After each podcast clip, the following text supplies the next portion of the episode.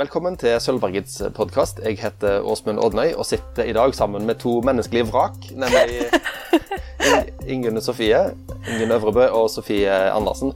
Jeg, må jo omtale dere sånn, for dere er jo storkonsumenter av uh, selvhjelpslitteratur. Og det betyr jo at dere har veldig mye som er galt i livet deres. Er det riktig forstått, uh, Sofie? Eh, altså, jeg synes at det kan oppsummeres fint i en av tegnerne sine titler, nemlig 'Ambisjoner uten gjennomføringsevne'.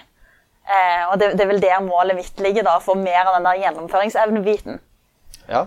Ja, ja, jeg har òg alltid eh, noe jeg har lyst til å forbedre. Og så er det, det er bare noe med de bøkene og titlene som er veldig fristende. Nå jobber jeg jo på bibliotek og går forbi sånne bøker hver dag, så det er jo litt vanskelig å ikke plukke med, med seg når det heter Lykkeprosjektet og eh, bli best med mental trening og sånn, så blir man jo litt frista til å prøve det. Altså, det er kanskje en, en, tanke om at selv om man gjør det ganske bra og har det egentlig ganske fint, så kan man jo alltid bli bedre. Alltid gjøre det enda bedre. Få til enda flere ting. Ja. Um, Men er, det er jo gjerne i, i litt sånn kultursnobbete kretser så har jo selvhjelpslitteratur et litt dårlig navn. Sant? Det er litt sånn 'Å, du leser selvhjelpslitteratur'. Hø-hø-hø. Er ikke enig i det? At det er litt sånn sett nedpå? Eh, det kan godt være, men jeg syns jo at bøkene er veldig forskjellige i formen. Mange av disse har eh, er liksom veldig personlige i Altså den, den som har skrevet boka, forteller veldig mye om seg sjøl og sin reise i, i de, sin metode, f.eks. Mens andre er mer sånn forskningsbaserte og har, kan vise til, til forskning og sånn. Så ja, jeg mm. føler ikke alle er like mm. altså, Man kan ikke ta alle under samme kam. Nei.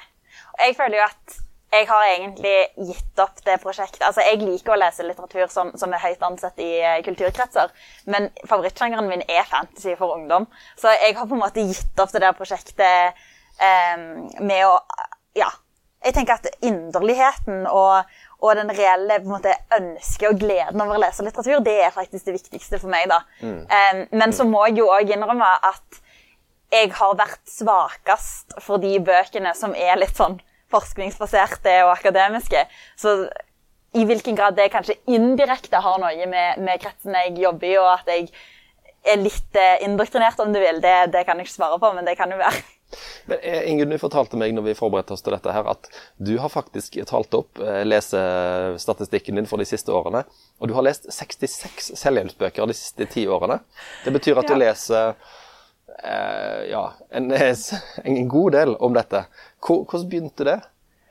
Um, ja, godt spørsmål. Ehm, det var, det var, nok et uh, ønske om å forbedre meg på ulike uh, arenaer i livet. Først sikkert å bli en bedre, flinkere til å være strukturert når jeg studerte.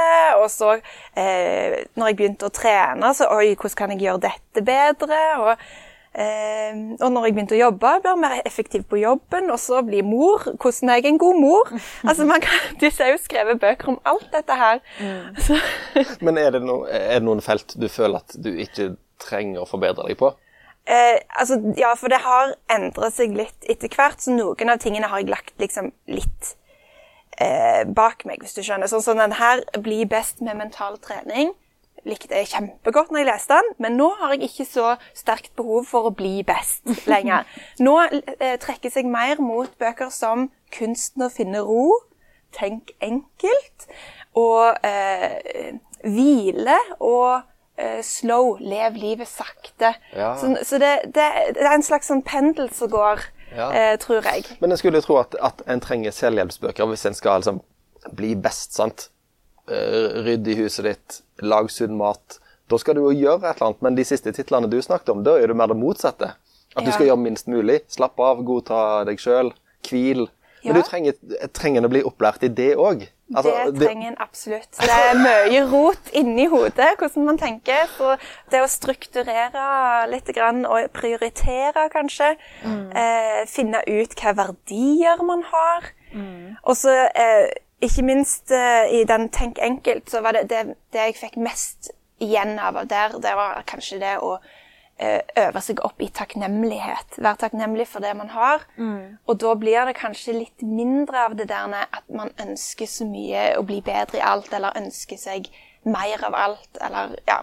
Jeg tenker jo også at vi, vi lever i et samfunn der det er veldig mye fokus. Altså, at vi, vi er så glad i selvhjelpsbøker, eller leser så mye selvhjelpsbøker, det er jo ikke tilfeldig. For vi lever jo i et samfunn der det er veldig mye fokus på å få sommerkroppen og bli sunnere og oppnå drømmene dine. Det er veldig mye sånn det er veldig mye fokus på å gjøre hele tida. Så jeg må jo ærlig innrømme at jeg, jeg har en annen favorittkategori enn Ingunn. Eh, men, eh, men samtidig så tenker jeg at hvis jeg skulle prøvd å bli flinkere til å ta det litt mer med ro Og i alle fall hvis å ta det med ro ikke betyr på en måte å distrahere seg sjøl, men å bare på en måte være til stede i seg sjøl, som jeg tror at mange av bøkene du har lest, handler om, Ja. så hadde jeg nok trengt ganske mye, ganske mye input på hvordan gjør man det. Men hadde det ikke vært Ja. noe bare tatt fra deg Netflix og mobilen? Nei, det Nei, hadde det ikke. Okay. Fordi at eh, hjernen er jo den som skaper alt det presset. Og, og det er jo selvfølgelig Det, kom, det er ikke sant helt. Eh, det skapes av samfunnet, men det tas jo opp av hjernen.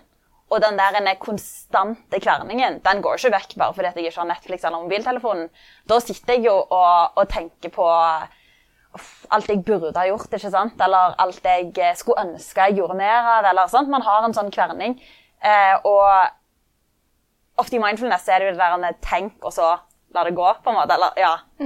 Og ja, det, jeg tror iallfall jeg måtte lest ganske mye før jeg hadde lært meg den teknikken. ja. Jeg får heller ikke helt det til, altså. Nei, Det, er, ja. det har jeg òg eh, lest en del om. Det er sånn, noen av bøkene tenker sånn eh, eh, Du skal bare observere tankene, og så bare la de flyte vekk. Men jeg skjønner ikke hvordan man ikke eh, liksom forholder seg til tankene sine. Og det er det en del andre bøker som er f.eks. For forstå følelsene dine. Eh, at alt kommer ifra følelsene. eh, og eh, eller at det, at det er tankene som skaper følelsene. Ja. Og da blir man òg forvirra. Hva skal man forholde seg til her? Er det, Hva er det som er riktig? Og vi har jo snakket en del om at det er utrolig mye motsetninger inni dette. For Ja. den tankene skaper følelsene dine. Det er jo 'du er perfekt'. Ja. Eh, og litt eh, 'the subtle art of not giving a fuck'. At det er liksom Du kan bestemme deg for å ikke føle, eller du kan bestemme deg for at jeg skal ikke bli sint av denne tingen. Mens i en bok som jeg nettopp leste, som heter 'Positive tanker er bullshit', så er det, det er en bok som på en måte går imot den der positive psykologitrenden. Og positiv psykologitrenden er jo at du alltid skal være lykkelig hele tiden. Det er så viktig å være glad, liksom. Mens i 'Positive tanker er bullshit' så er det sånn det er lov til å være sint, det er lov til å være lei seg. Eh, Det er menneskelige følelser. Og de er ikke nødvendigvis negative heller. Det, man må, må slutte å tenke på eh, glad som bare positivt og, og lei seg som bare negativt. Så ideen er jo på en måte å, å føle alle følelsene sine ordentlig, da. Eller på ekte, i den boka. Ja. Ja. Men det er, hvis vi skal ta et overblikk nå, hva er kjennetegnet på en god selvhjelpsbok, sånn som dere ser det? Oi. Ingen først. Oi, det er vanskelig. For det er jo litt ulike kategorier her. Ja, Eh, vi skal inn på de etter hvert. Jeg vil bare Ja. vite liksom, om eh, hva er det som gjør at du syns en bok er bra innenfor dette.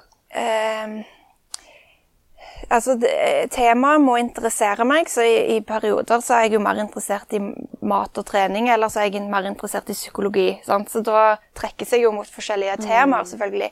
Men så er det, det er jo en del hvordan forfatteren har bygd opp bok og, og deler av sine egne erfaringer, og trekker inn forskning, kanskje. Jeg husker ei bok som jeg leste om, eh, som heter 'Født til å løpe'. Da ble jeg så vanvittig begeistra for løping. Og der brukte han jo egne erfaringer, men òg eh, eh, trakk inn hvordan ulike eh, folkeslag, kan man Det, si det det? foregår litt i Mexico, gjør Ja, ikke det? Noen ja. indianske stammer som han finner som springer i fjellene i disse kløftene og holder Ja. på. Ja. Det at de, de sprang veldig lange distanser, og jeg tror òg at de liksom sprang for å, å trette ut eh, eh, dyr som de skulle fange. Altså, jeg, jeg bare husker at jeg ble veldig fascinert av, eh, av måten den var skrevet på, og disse herrenes eh, Ikke distraksjoner, men at han, han gikk ulike eh, han hoppet til forskjellige temaer da, veldig på en fin måte. Som, Ja. Den var veldig underholdende, sånn sett. Og det morsomme er jo at du leste jo den boka for en stund hvor- Husker du hvor lenge siden? Nei, ja, det er kanskje fem år siden. Ja. Og du leste den helt ferdig. Ja, Så du sitter igjen med at du ble ganske inspirert og fikk lyst til å løpe. Har, husker jeg rett? ja. ja. Det, Men, mens jeg begynte på denne boka i helga, tror jeg. Em, og det som Ingunn sikkert ikke husker, siden det er en stund siden, er at han begynner jo med at den person, altså jeg-personen, forfatteren, han eh, har jo skada seg så mye pga. at han har løpt feil, at han har nesten ødelagt kroppen sin.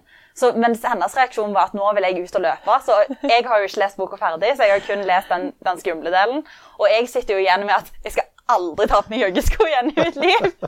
Hjelp! ja, det er sant. Han var veldig eh, negativ til, til vanlige joggesko. Det var, han var, det var sånn barfot eh, Det husker jeg. Det kom med den barfottrenden, ja. Ja, Og han var jo overalt, han forfatteren på den tida der. Han var jo på Skavlan. og ja var han det? Ja. han ble jo superkjendis på den, den boka. Ja. Og jeg har han sjøl, så jeg eh, det var, det i maraton, det var i maratonfasen min. Jeg har ikke havna dit at jeg har kjøpt eh, barfotsko, men jeg endra faktisk eh, litt løpeteknikk etter det. Nå springer jeg mer på forfoten enn på hælen, så, Ja. så litt effekt hadde boka.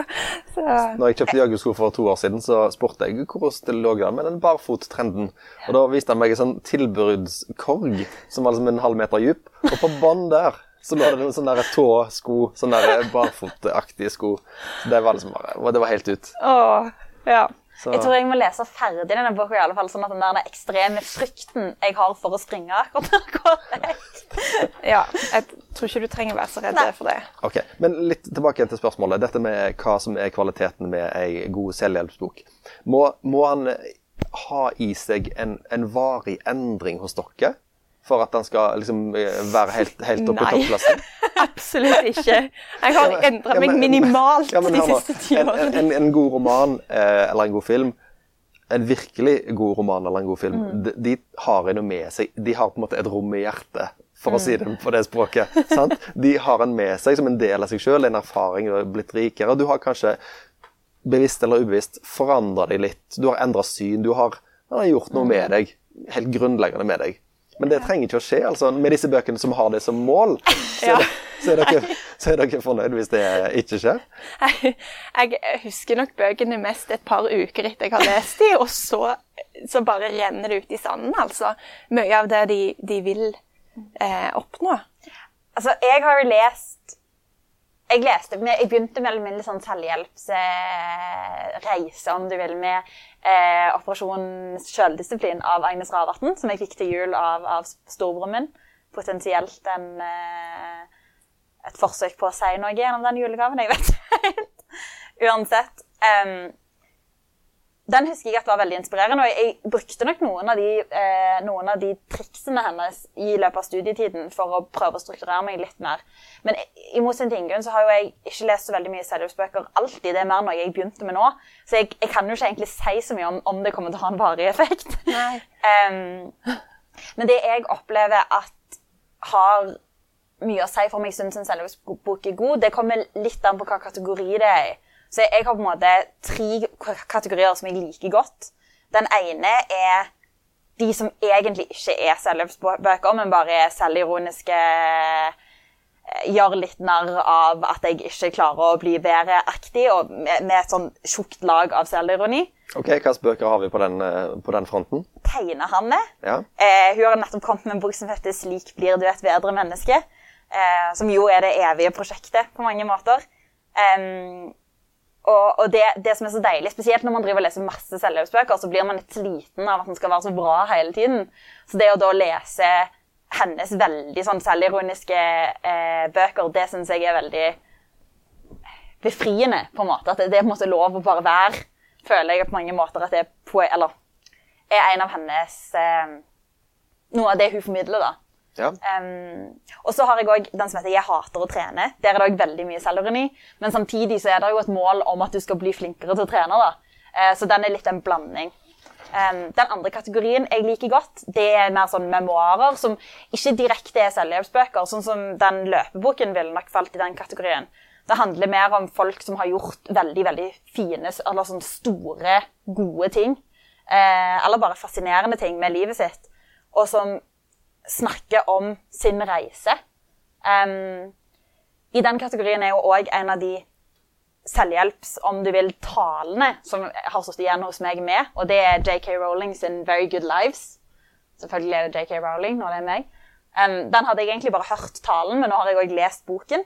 Og det handler mye om hvordan å nå bunnen, eller på en måte få den ultimate failure, da, er det som kan gi deg det, det lille du trenger for å nå drømmene dine. For når du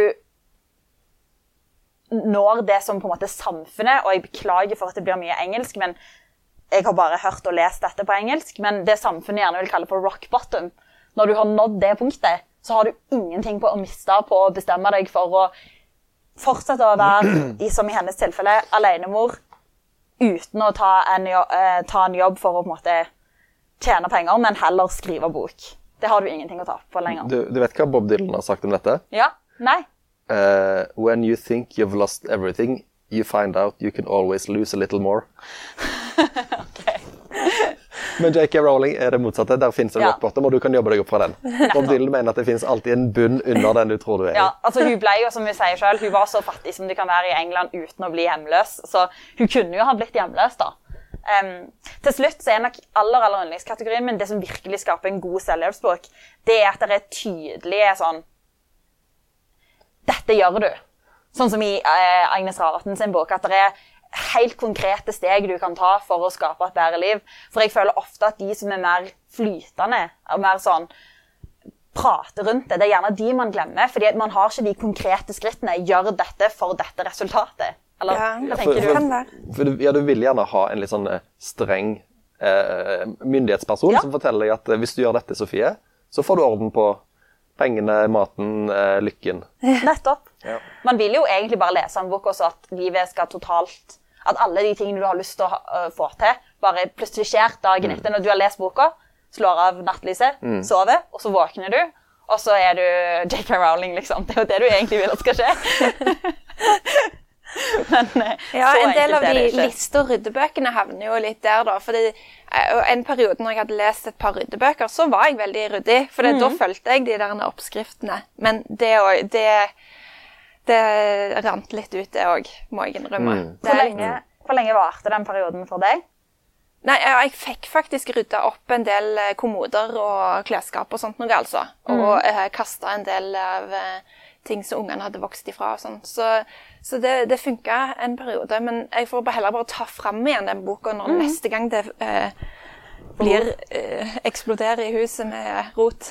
Ja, for det er jo litt sånn Vi har lett for å tenke at eh, eh, når en leser selvhjelpsbøker, så skal en på en måte løfte seg opp et nivå og bli værende der. Men sånn som du sier, Ingunn, så er det jo ingenting galt med å, at du i en periode er mer ryddig. sant? Eller at du i en periode eh, er opptatt av at du skal få uh, lage bra mat. Og så kanskje du blir mindre opptatt av det igjen, men du kan komme tilbake til det nivået. Ja, Så du kan- bare være fornøyd med det, da. Du kan hente inn de skillsene du har i, i bagasjen. da. Ja, absolutt. Iallfall hvis man prøver, hvis man klarer å ikke legge på seg sånn dårlig samvittighet når man ikke gjør det lenger, da. At jeg tenker bare det er greit. Jeg var opptatt av det en stund. Trenger ikke være opptatt av det hele tida. Når, når eh, barneklærne hoper seg opp i kommodene dine igjen, så bare mobiliserer du Marie Kondo-muskelen, og så Ja, gjør du den opprydningen. Ja, og hennes metode er jo lett å huske. Man skal bare kjenne om det gir en glede. Does it spark joy? Ja. Jeg, jeg lanserte den teorien for eh, min nabo som har en stor platesamling, som han skulle rydde i. Så, så sa jeg ja, men du kan bare ta Marie Kondo-testen og holde platen i hånda, så sier du 'does it spark joy'? Og han bare så på meg som et sånt spørsmål spørsmålstegn. Jeg skal jo ikke kvitte meg med en eneste av dem, jeg skal bare sette dem i en annen rekkefølge. Altså, men men som, som samler, eh, ikke like mye på musikk, men riktignok det òg, men først og fremst av bøker, så må jeg jo si at det er jo ikke en eneste bok på den hylla som ikke på en eller annen måte sparks joy. Man blir jo lykkelig altså bare, bare, bare kvantiteten i seg sjøl, å se mange bøker, gjør meg lykkelig. Da vet jeg hvor jeg skal komme med mine overskuddsting. Jeg kommer med en full bagasje om Ja, en måned eller to. Gamle, gamle pocketbøker som jeg har lest én gang, i 1999. Jeg, jeg gleder meg til å se din samling av gamle engangsleste pocketbøker. Det blir spennende. Ok. Eh, Sofie, du var inne på noen av dine favorittkategorier. Vi har snakket om de. Eh, vi har også en, en annen Vi har delt inn litt eh, titlene her. Eh, vi skal snakke om eh, bøker innenfor lister og rydding. Ingunn, hvilke bøker er det vi trenger å, eh, lese når det gjelder lister og rydding? Ja, jeg har f.eks. lest bøkene til eh, Synnøve Skarbø, Synnøve System, og så Listelykke, og så Marie Kondo har vi jo snakket om. Eh, listelykke, den eh, leste jeg, eh, men jeg innså når jeg hadde eh, lest den, at jeg kanskje ikke er 100% motivert for å bli så strukturert som hun legger opp til. Og så er det mer eh, rydding enn lister i boka, føler jeg. Men jeg, jeg tar med meg noen eh, tips her om eh, hvordan man kan strukturere eh, ryddingen gjennom å lage lister. Hva må man gjøre daglig, ukentlig, månedlig? Men jeg ble litt utslitt av å tenke på Det var en del ting her jeg aldri har eh, tenkt eh, på at jeg må, må gjøre. eh, Rydde i huset, liksom. Ingen var nok mer motivert enn meg, for jeg leste bare bakpå de første sidene, og så skjønte jeg, vet du hva, jeg orker ikke å bli så stridrert Men eh, jeg, jeg er jo veldig glad i lister, faktisk. Jeg er kjempeglad i lister. Ja. Ikke like glad i å rydde. Eh, og for meg så funker ikke kombinasjonen lister og rydding. Du bruker mer lister når du skal jobbe, ikke sant? Ja. men det var et kapittel om det, og hvordan du kan lage lister på jobben. Men det var også, eh, inkluderte òg å rydde pulten sin. Så det var Men det, det tror jeg jeg trenger ikke jo, for så vidt på jobben òg, men òg hjemme. Sånn eh, Skrivepulten min hjemme den hadde hatt godt av en opprydning, så kanskje jeg skal lese det kapittelet. da. Ja, det, det, det handler om å ikke ha for mange distraksjoner, sånn at du kunne gå i gang med oppgavene, faktisk. Men eh, jeg, jeg, jeg, jeg, jeg tenker på et gammelt slagord. Eh, just do it. altså, hvor mye av det som for, blir fortalt i sånne listebøker, er uh, ting som du egentlig vet veldig godt? Du, altså, jeg vet at pulten min er rotete. Jeg trenger ikke en liste for å vite hvordan jeg får det vekk. Eh, og, og så videre. Jeg vet at det er ting på loftet jeg burde kaste. Hvis jeg bare begynner, så, så, så lager systemet seg sjøl. Men du, ja, da har du kanskje ikke den motivasjonen for å gjøre det. Men hvis du har bestemt deg, nå skal den, det loftet tas, så er det jo litt greit å så ha en sånn, eh, no, et par konkrete tips til hvordan du kan gå i gang uten at det føles overveldende, da. Kanskje. Ja. Jeg føler også at det er noe med at jeg er iallfall en person som av og til prokrastinerer. Kanskje litt mer enn av og til. Eh, I alle fall type rydde huset. Og å lese en bok om å rydde huset kan være en sånn produktiv form for prokrastinering som òg kan inspirere deg. da. Sånn at når du, Mens du sitter der, så er det sånn åh, jeg må virkelig gjøre dette. Og så er det kanskje litt lettere å ta det steget. Ja. Så, sånn har jeg det. Ja, og så er jo list, det er jo en del bøker som har lister på en litt annen måte, da. Sånn som denne og den. Du må, Eh, dette er ikke TV. så- Nei. en liten bok om det store som skjer når du følger planen. Det er eh, eh, ei dame som har satt seg eh, ett mål per uke, eller en, en- slags idé per uke som hun skal Hun har et lite prosjekt som hun eh, I stedet for å ha et veldig høyt sånn, terskel på hvordan du når skal du gjøre dette for alltid, eh, så bare gjør hun det en uke om gangen, og så ser hun om kanskje noe av det henger igjen, og, eller gjør seg erfaringer med hvordan hun tester det ut. Husker du noen av de tingene hun gjør? Som, Og, eh, Skal skal ikke drikke vin en hel uke, f.eks. Ja, det lo vi litt av, for det, det Jeg ser ikke helt det, Velkommen til mitt liv, liksom. Ja, jeg, jeg har hvit måned akkurat nå. Jeg fant ut at det skulle jeg gjøre i januar og februar. Så jeg følte meg Det var jo ikke sånn at du kan få glede av da. at man er sånn Yes, nå føler jeg meg flink fordi at jeg klarer dette kanskje i to måneder. Så, så kan man få litt sånn Ja, Hun syntes òg det var helt forferdelig å eh, trene yoga, og det har Mm. jeg nå klart i 20 dager i strekk, så det er jeg veldig fornøyd med. Ja. Så, så, og hun skulle bare gjøre det i én uke, og det syntes hun var forferdelig. Så det, Hun gjorde mye annen trening, fant fant jeg ut. Altså, hun gikk jo på ski og gikk turer og sånn. Det var mest akkurat formen yoga. Hun bare ja, ok. Ja. Men mm, den er ganske kul, for, for konseptet jeg kan jo bare forklare det sånn kort, er at hun bestemte seg for at nå skal jeg gjøre masse oppgaver. Det er gjerne ting som ikke nødvendigvis store prosjekter, ikke ting hun vet hun må gjøre, men mer de der småtingene som du vet du bør gjøre, men som du aldri gjør. Sånn, eh, jeg har jo egentlig litt lyst til å lære meg spansk og har jobbet med det i perioder. Og da kan det være en lapp som f.eks. se en spansk film. Og så legger hun den lappen i en skål, og så legger hun masse andre lapper. og Hun tar gjerne litt forskjellige temaer, blander de i en skål. Så hver mandag i et helt år så trakk hun en lapp. Eh, Tre lapper trakk hun. Og så fikk hun lov å velge en av de tre lappene. Og det, den oppgaven skulle hun gjøre den uka. Og det kunne være alt ifra gjøre yoga hver dag til på en måte eh, Hva var det? det er få øyenvippe-extensions gjorde vel en gang. Ja. Så det, det, ja, det kan være veldig sånn enten et, et mål som tar hele uka, eller et mål som du bruker to timer på. Ja, det er sant. Og så var det både liksom å være kreativ, men òg være strukturert. Du kunne blande alt mulig inn i det. Så t eh, metoden var ganske fiffig, syns jeg. Mens hun her, Gretchen Ruben har jo lykkeprosjekt, og hun gjør mer sånn Altså, hun har tolv måneder, tolv bud, og så, eh, så skal hun eh, endre seg månedsvis i stedet for. Og det jeg tenker kanskje For meg så eh, hørtes det mer appellerende ut å gå inn på ett tema hver måned enn eh, per hver uke. Jeg tror nok forskjellen er litt at der er målet varig endring. Mens i, altså, sånn som inntrykket jeg fikk av den eh, forfatteren Birgitte Lange, det var jo at hun var egentlig en ekstremt produktiv person i utgangspunktet. Hun, hun drev med masse skriving og hadde en veldig krevende jobb. og ja, Jeg fikk inntrykk av at hun, hun gjorde veldig mye positive ting og produktive ting i livet sitt. Men hun hadde på en måte lyst å få til noen flere ting. Og det, det trengte ikke nødvendigvis være produktive ting òg. Det kunne være se en film, for det syns hun hadde for lite tid til. Så det, men, men det er en fin metode hvis du har mange sånne småting som du bare glemmer å gjøre eller utsetter å gjøre. Mens hvis du vil ha varig endring, så, så ville jeg nok ikke valgt eh, Birgitte sin metode, som hun kaller det for. Ja. Ja. Ok, vi, skal, vi kan gå litt videre til neste tema dere har satt opp, som er trening. Ja. Selvhjelpsbøker innenfor trening. Eh, Sofie, du holder opp en bok som heter 'Jeg hater å trene'. Så er det bilde av ei dame som ser ganske bra trent ut, og som er veldig svett. Så, Ja. så hva type bok er dette? Dette er jo, altså jeg, nå, jeg må ærlig innrømme at jeg har ikke lest denne ferdig, men jeg gleder meg utrolig til å gjøre det, fordi at denne her boka var nydelig. Denne faller godt i kategorien sterk grad av selvironi. Eh, hun gjør ganske mye narr av eh, at hun ikke liker så veldig godt å trene.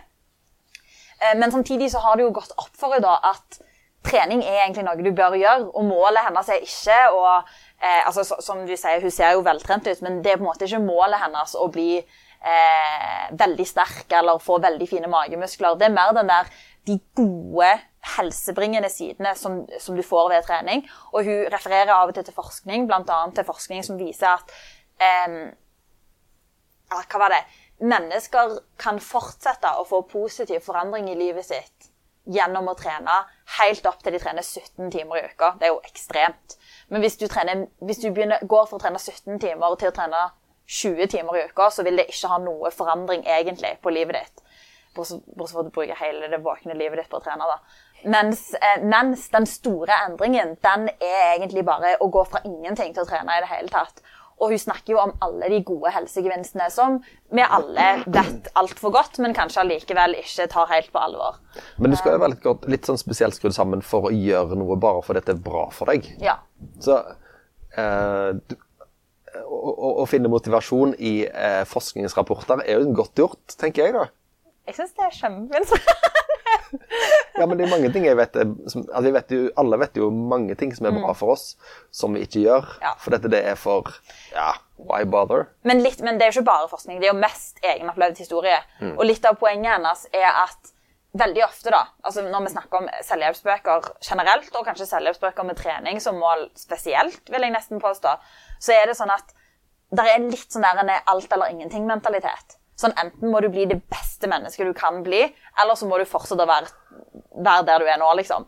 Men hennes mål er litt mer at du skal, du skal bevege deg i det hele tatt. Du skal liksom komme i gang, men du har ikke nødt til å bli eh, den neste maratonløper, beste maratonløperen Norge har sett. på en måte. Det, det er lovt å være midt imellom. Ja. Ja. Og det syns jeg òg er litt inspirerende.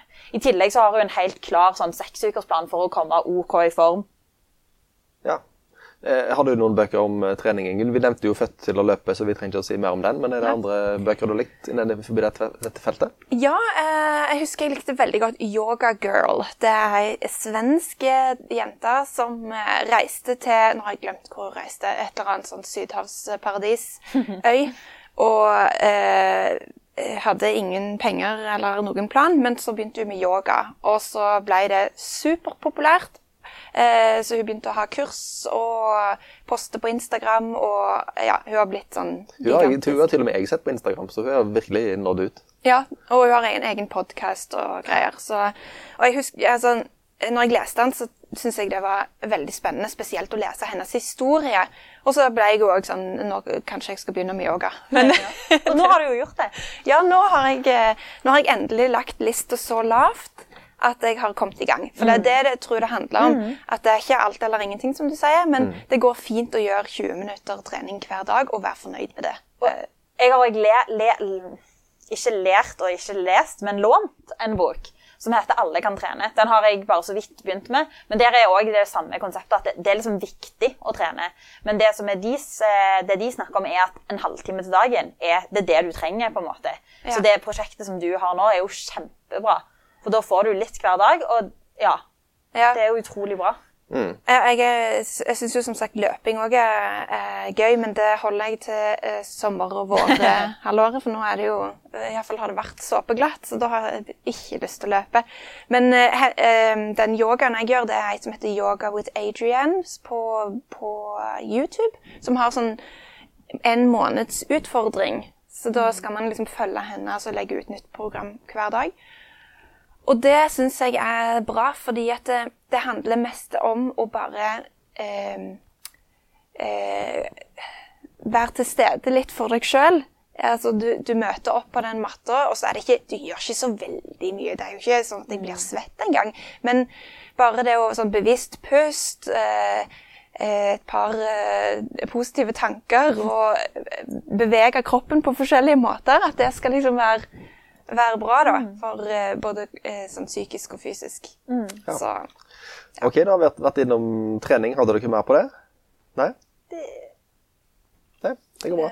Jeg er jo litt nysgjerrig på den maratonboka som jeg vet du har lest løp som en jente. Har du lyst til å fortelle litt om den?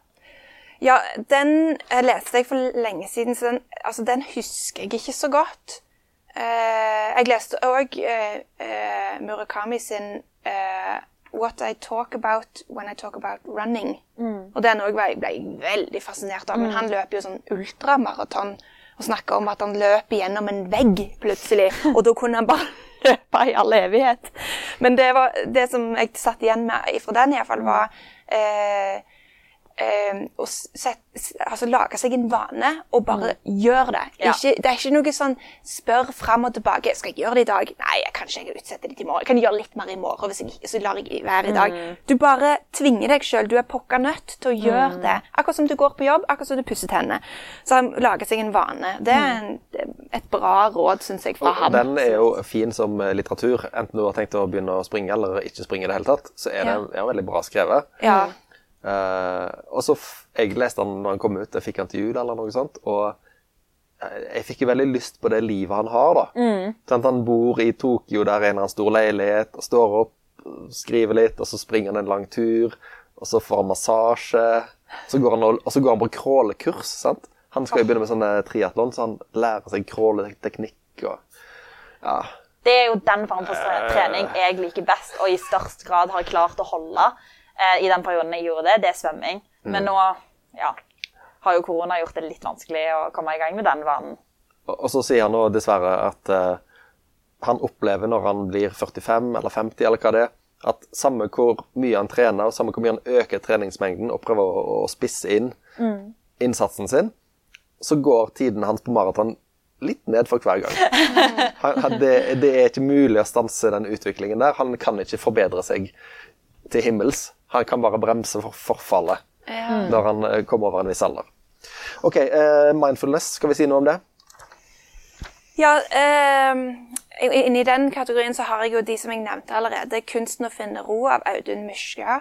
Den uh, likte jeg veldig godt. Og den hadde mange konkrete øvelser man kan gjøre for å uh, ja, finne ro.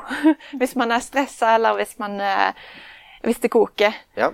Så eh, Men jeg husker selvfølgelig ingen av dem. Så hvis jeg, jeg, må, jeg må, tror jeg må eie den boka, sånn at jeg kan eh, te, øve de litt inn, faktisk. Og så var det den Tenk enkelt, og det er av eh, hun eh, Det var en psykolog eh, som heter Karina Paulsen, tror jeg.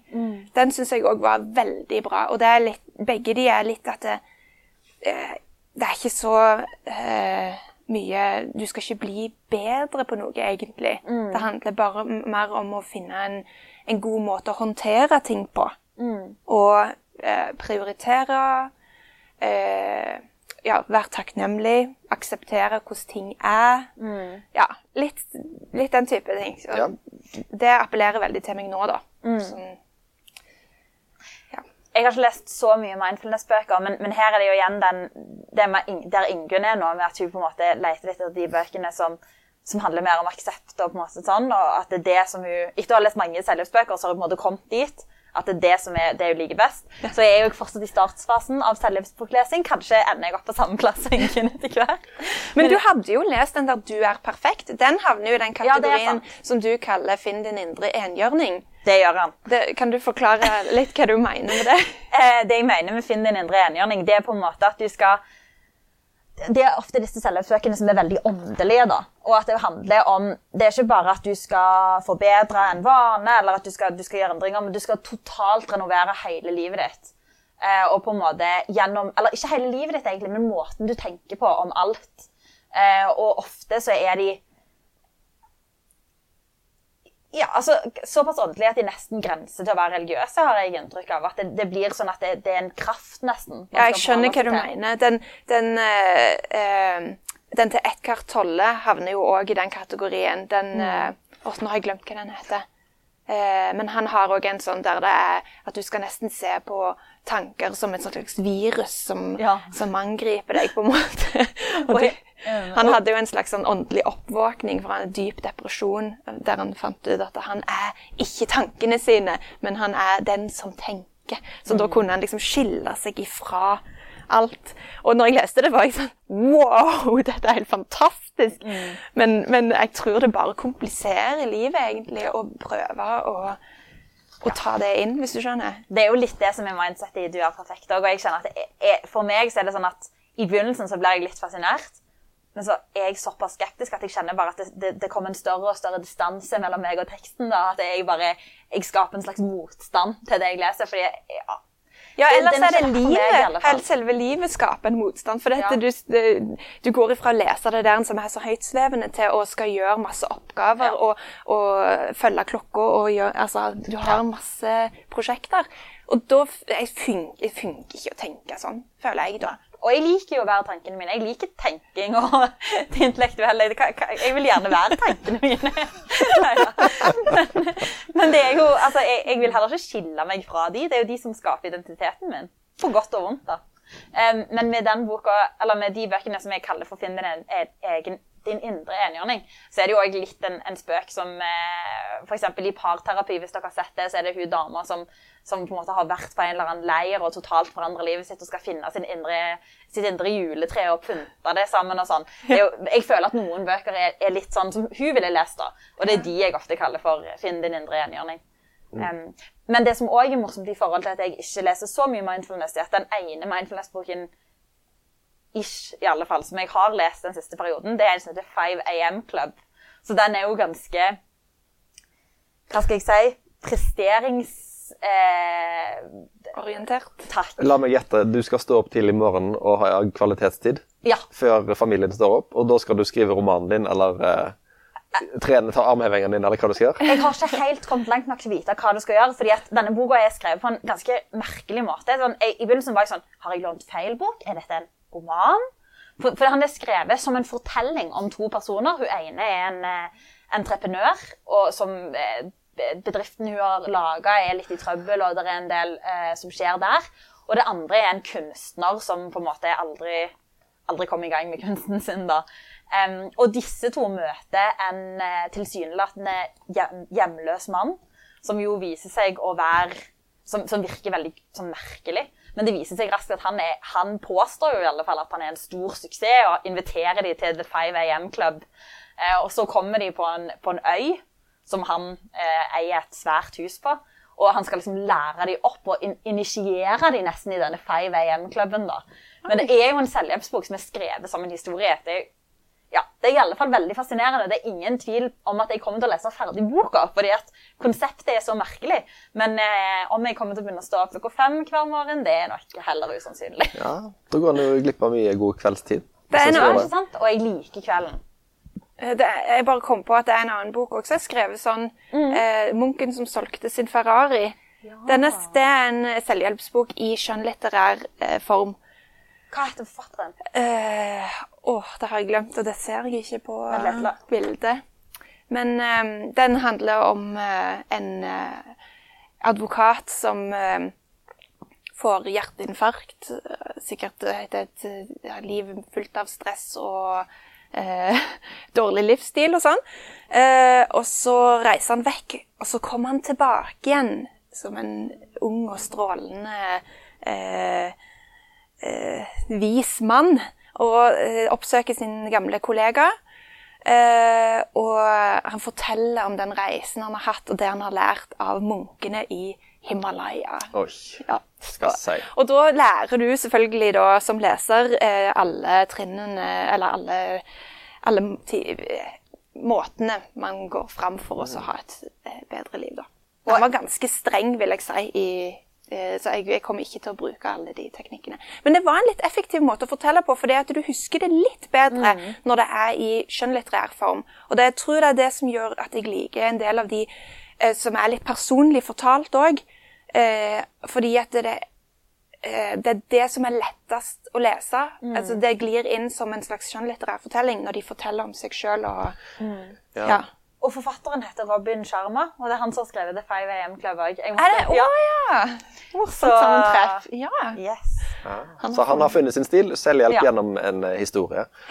Eh, vi skal begynne å gå litt inn for landing her, men uh, bare for å ta et litt sånn overblikk på dette her nå. Så Hvis du er på fly og tar fly, den gang det går an i, når det ikke er korona, så forteller de i sikkerhetsgjennomgangen at uh, hvis oksygenmasken faller ned, så må du ta på din egen før du hjelper sidemannen. Er disse bøkene her på en måte en slags eh, oksygenmaske som en tar på seg for å hjelpe sidemannen? Eller er det veldig sånn innadretta, dette her? Altså, er, er det på en måte utslaget av egoisme, eller eh, er det bare på en måte en, eh, et grep for å ruste opp seg sjøl for å være bedre i, for andre, hvis dere forstår hva jeg mener? Er, Ja. er dette et veldig sånn Godt introvert spørsmål. prosjekt?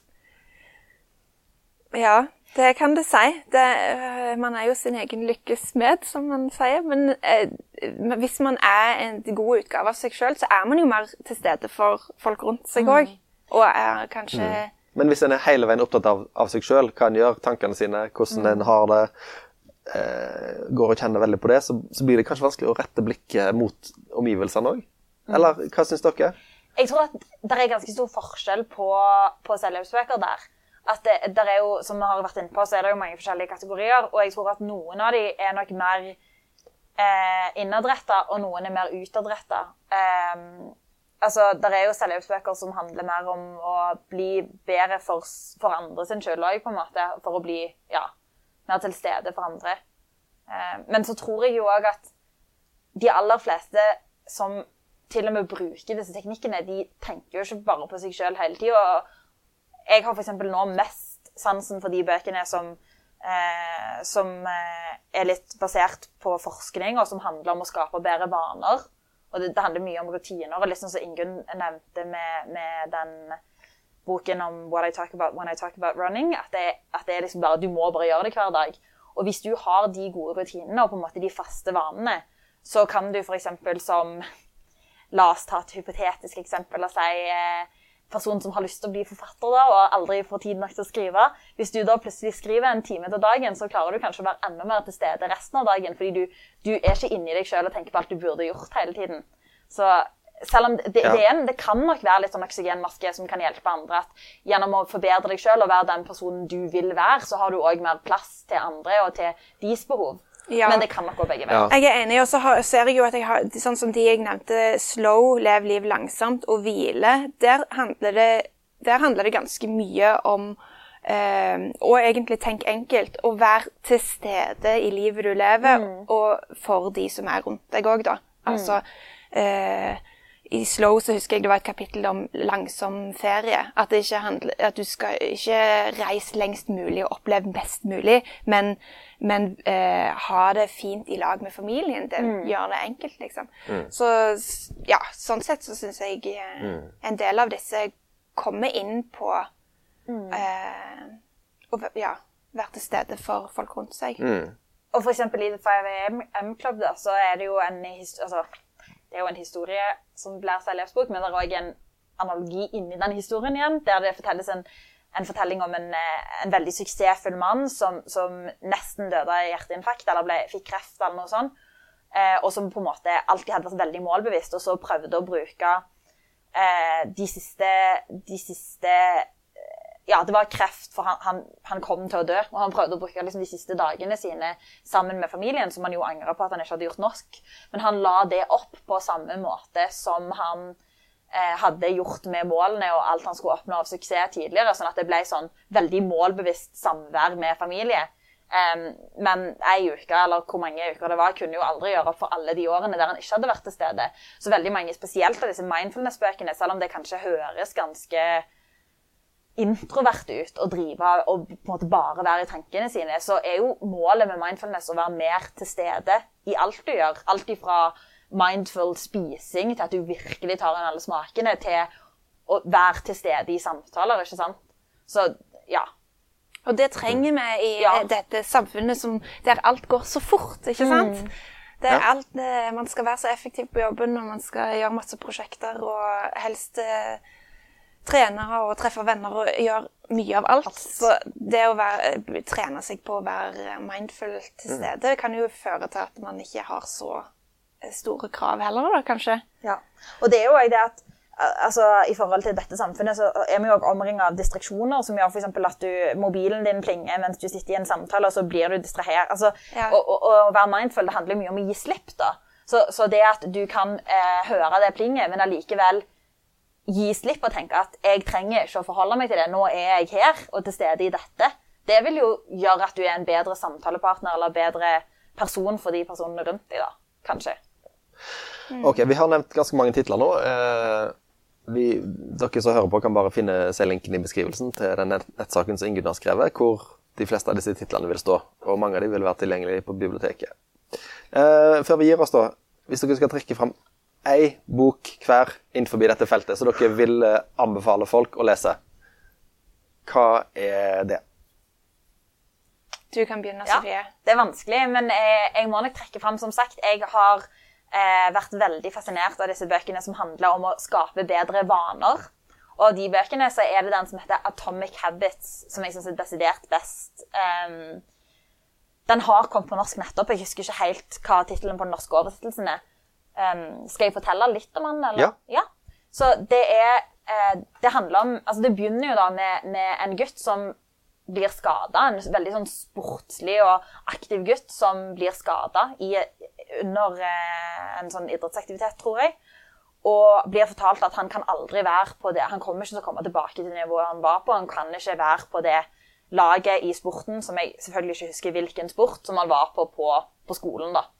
Men han legger seg opp noen veldig gode vaner for å klare å komme tilbake, og han klarer det faktisk. Han blir til og med eh, sånn, kan drive med det på college-nivå og får virkelig suksess innen det.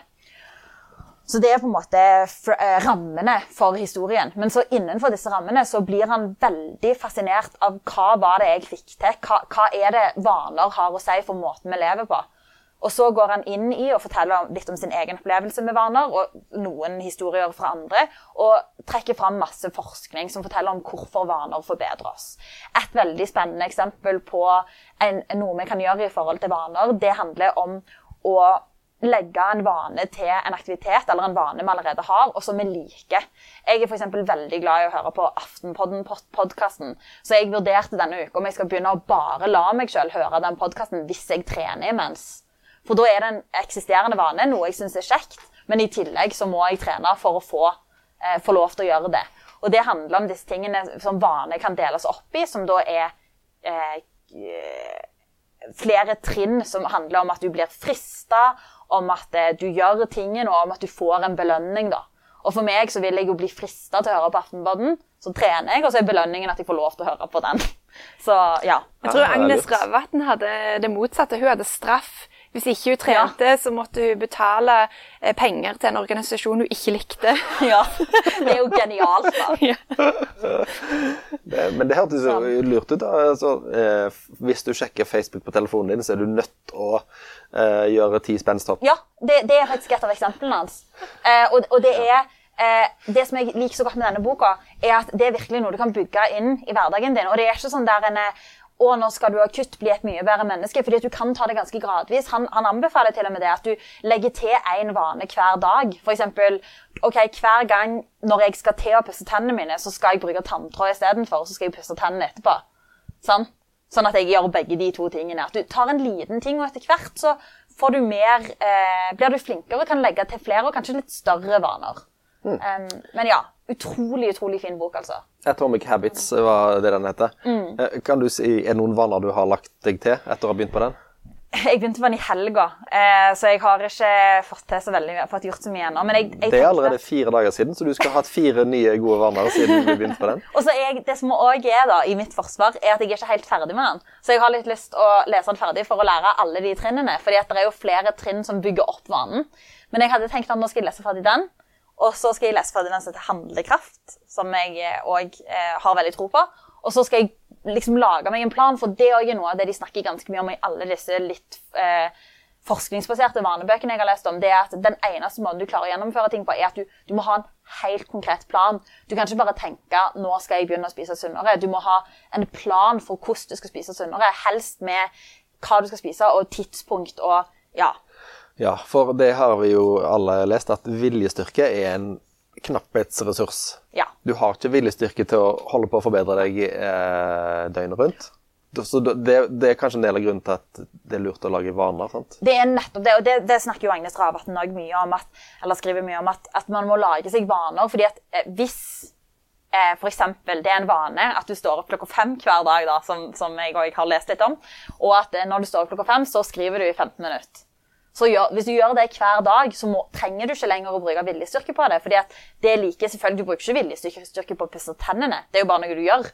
Så, så da bruker du mindre av den ressursen som du da har eh, en begrensa mengde av. Men du kan òg trene viljestyrken din ifølge Ravatn. Altså, du kan trene opp viljestyrken din òg, Ja. selv om man er Ja. begrensa. En liker jo å tro at det ikke går an, for da slipper en å gjøre eh, de tingene en eh, helst ikke vil gjøre. Og kanskje det er nettopp derfor du skal lese selvhjelpsbøker, eller i alle fall de forskningsbaserte, fordi at du lærer mye, og det er jo et poeng i veldig mange bøker, at du er faktisk din egen lykkes med i ganske stor grad. Du kan velge å trene opp viljestyrken din og få bedre vaner og bli den personen du vil være. Det er ikke sånn at du er styrt av skjebnen. Veldig ubehagelig å, å høre dette, merker jeg. Ja, det er ganske Man, må, man blir virkelig eh, sånn eh, konfrontert med seg sjøl. Det gjør man. Og så er det jo om man velger å ta det på alvor eller ikke, da. Ingunn, eh, ei selvhjelps, selvhjelpsbok til folk. Åh, ja, du, det var veldig vanskelig, for det, min favoritt en, eh, endrer seg jo for hver bok jeg leser, merker Men akkurat der du er nå i livet. akkurat nå så velger jeg altså Sven Brinkmann, stå imot. Si nei til selvutviklingen. Så her er det altså syv steg der man skal eh, slutte å kjenne etter. Fokus, fokuser på det negative, ikke det positive. Eh, ta på deg nei-hatten. Undertrykk følelsene. Gi coachen sparken. Les en roman, og dvel ved fortiden. Så eh, ja, veldig lovende. Men eh, er dette på en måte ditt farvel til den litterære, litterære sjangeren? Det kan jeg ikke love, for hver gang jeg går forbi den hylla, så ser jeg nye fristelser. Eh, men nå skal jeg iallfall lese denne, og så skal jeg forhåpentligvis tenke at jeg ikke må forbedre meg på alle områder i livet. For det, det jeg er, altså, man er jo god nok som han er, kanskje. Men, men er, du, er du en lykkeligere Ingunn i dag enn du var før disse 66 bøkene? Nei, det tror jeg ikke. Den, den lykken er nok i så fall knytta til helt andre ting som eh, Ja, eh, enn de bøkene. Eh, kanskje noen av vanene jeg har lagt eh, Jeg har jo liksom blitt inspirert til å løpe og gjøre yoga, og for så vidt spise litt sunnere. Så hvis jeg ikke hadde lest de bøkene, kan det jo være at jeg hadde vært uh, ja, mer uh, min Mindre lykkelig. Ja, kanskje. Kanskje de har hatt en liten effekt. Og så koser jeg meg jo når jeg leser de da. Det må jeg jo si. Ja. Det er jo gøy. Det er jo, Jeg leser det jo fordi at jeg syns det er eh, sp- spennende lesing. Ja, for det, det er jo ingenting gale med på måte, den der eskapismen. sant? Vi leser jo romaner for det vi vil drømme oss litt vekk til eh, Ja. en annen tid og sted. Og nå kan vi drømme oss vekk til en, en eh, Åsmund versjon 2.0, Ja. Som gjør alle de riktige tingene. Så visner det litt når en har lagt den fra seg. Ja, jeg syns ikke det gjør noe, jeg, altså. Det, les, man må jo lese det man har lyst til å lese. Og selv om jeg nå sa at du kan være din egen lykkesmed, så er jo det, no det er noe jeg tror på at man kan. Men selvfølgelig, jeg har ikke helt tro på sånn som i, i uh, Um, I noen av bøkene så handler det jo veldig mye om å kvitte seg med negative tanker. Det er denne positive psykologien som jeg tror vi var litt igjen på tidligere. Og jeg har jo ikke helt tro på det der at, eh, at du kan bare velge og ikke dvele ved når helt forferdelige ting har skjedd med deg. Selvfølgelig når grusomme ting altså, men, men jeg tror at man kan gjennom å kanskje skape seg litt bedre vaner og fokusere litt mer Det er egentlig det det handler om, å fokusere litt på hva du vil gjøre, istedenfor å bare la det gå på autopilot. Så fokuser på hva har du egentlig lyst til å oppnå denne uka, hva er det du skulle ønske du fikk til, og det kan gi deg lykke. Og så ikke minst å huske at det er veien som på en måte skal gi deg lykken, ikke bare resultatet. da. Det er òg noe man lærer mye om. Ja. Men Da- det er jo òg en underholdningsverdi. At man leser det litt fordi det er gøy. Det er veien som skal gi deg lykken, ikke resultatet. Ja. Det kan vi la være siste ord. Eh, takk skal dere ha, Ingunn og Sofie. Eh, lykke til med forbedringen. Jo, takk. takk. Eh, vi er jo anne tidlig i 2021, så vi kan jo ta en status på slutten av året. Ja. Hva dere har lest, og, og om dere har eh, økt i eh, lykke og selvdisiplin og alt det der. Ja, Vi har lagd noen nye vaner. Men det er noen nye vaner. Da må vi jo det, fordi vi kan jo ikke rapportere tilbake at det ikke har virka i det Nå har vi litt ytre press. Det er fint. Nettopp. Vi tar innspillings her klokka fem om morgenen. Eh, mot slutten av året.